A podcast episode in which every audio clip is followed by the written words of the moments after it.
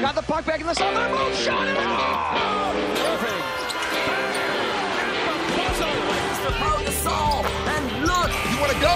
Let's go then. Pagan coming in. Dives and he makes the catch.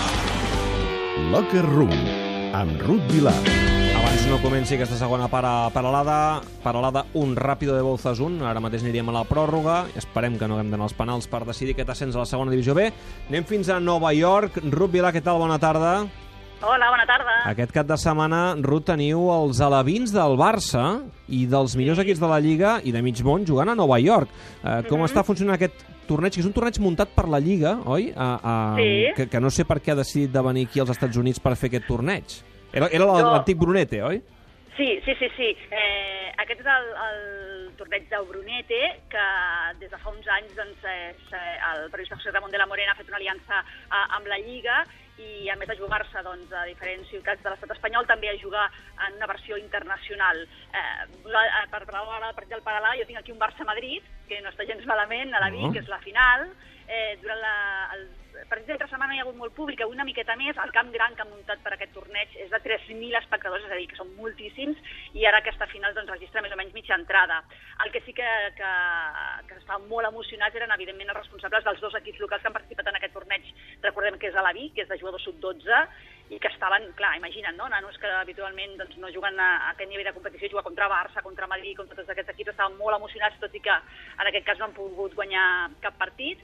Per Nadal ja es va jugar un torneig eh, similar a Miami, i aquesta vegada han triat eh, Nova Jersey, concretament la ciutat de Newark, que segurament us sona perquè hi ha un, un dels aeroports de, de Nova York, tot i que està una horeta llarga de Manhattan en cotxe, i com també passa amb el torneig de Brunete, doncs han viatjat fins als Estats Units alguns dels millors equips de la Lliga, dèiem el Barça, el Madrid, l'Atlètic, el Sevilla, el Villarreal o el València, també eh, d'Europa, hi ha l'Inter, hi ha el Benfica, eh, de Sud-amèrica, en convidat l'Atlètic Nacional Colombià, el Club Americà de Mèxic, i els dos anfitrions que us deia, o els dos equips d'aquí de Nova York que us deia, són el New York City Football Club, i els que sí són anfitrions perquè es juguen a Newark, que són l'Iron Bound, que són un dels equips filials dels Red Bulls de la MLS. Mm. Però, però per què els porten fins aquí a fer aquest torneig als Estats Units? Té, té gaire sentit fer aquest torneig Jo- amb, amb nanos aquí? Jo no ho tinc Jo, jo no l'havia clar, vist mai, no? És a dir, No. potser algun amistós, i de fet en veurem aquesta, aquest estiu Sí. de- de- de- de- d'equips, diguem-ne, del, dels Grans. grans, no? sèniors, Mm. però amb nanos Sí. no ho havia vist mai. És totalment promoció, eh, sobretot per la Liga, que sabeu que com, com el Barça ja va fer, la Liga també ha obert una oficina aquí als Estats Units de Nova York.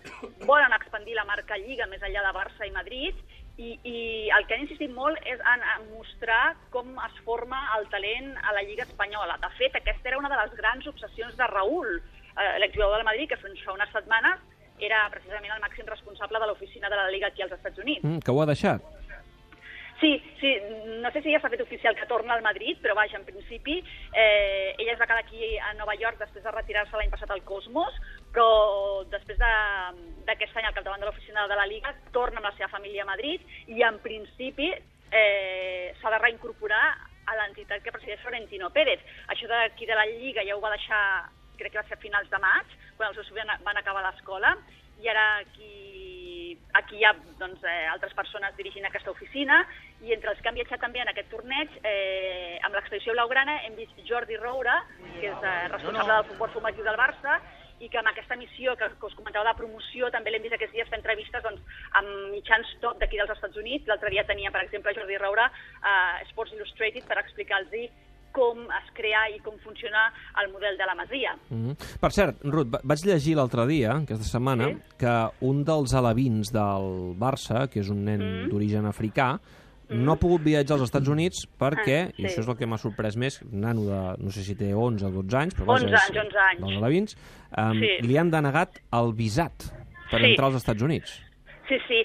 Eh, el Barça va tramitar els visats per tots els nanos i al final el problema ha estat burocràtic, però us explico una mica com ha anat. Resulta que el club va tramitar els papers de, de tots els nens de l'equip i les autoritats nord-americanes van demanar a Solo Traoré, que és un davanter a la vida del Barça d'11 anys, que anés a Madrid, a l'ambaixada dels Estats Units, amb la seva família a fer una entrevista personal perquè la seva família, ell és nascut a Catalunya, però la seva família és d'origen africà, són de la Costa d'Ivori, i des de l'ambaixada no li tramitaven els papers si no passava aquesta entrevista. Eh, el nano hi va anar amb la família, van fer l'entrevista, en principi van dir que estava tot correcte, però aleshores sí que van trobar que el seu passaport era un passaport antic i que no estava digitalitzat. I per viatjar als Estats Units a tothom, eh, no només amb aquest nano, li demanen, demanen un passaport amb el xip i, i com que no el tenia, doncs ja no li van donar el visat i ja no va temps de fer un passaport no, no va ser a temps de fer un passaport nou, ja no va ser a temps de viatjar, és a dir, que li van presentar molts problemes, i també a un nano de l'Atlètic de Madrid, eh, també d'origen africà, l'han deixat a casa perquè, com a Traoré, el van fer a l'ambaixada, el van fer fer l'entrevista, en aquest cas aquest nano sí tenia el passaport en ordre, però van trigar tant en fer tota, tota aquesta burocràcia mm. que el club ja no li va donar temps d'inscriure el nano al torneig i de fer-lo viatjar i també s'ha quedat a casa. Aquí més qui menys, quan hem viatjat als Estats Units ens hem trobat els controls a vegades, Sí. eh, no diré, diré exhaustius per ser fi, um, Sí. a, a, per entrar al país, però, però Sí. esclar, el que hem viscut aquests nanos d'origen africà em sembla realment, no, no sé, vaja, sorprenent, si més no, sorprenent. Sí, no, no en té gaire sentit i, i ara te n'explicaré una altra perquè abans us deia que aquest eh, torneig de futbol 7 a la Vi es va fer a l'hivern a Miami.